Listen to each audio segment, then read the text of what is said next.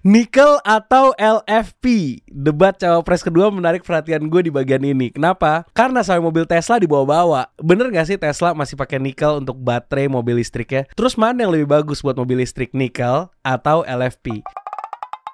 Kita kasih solusi.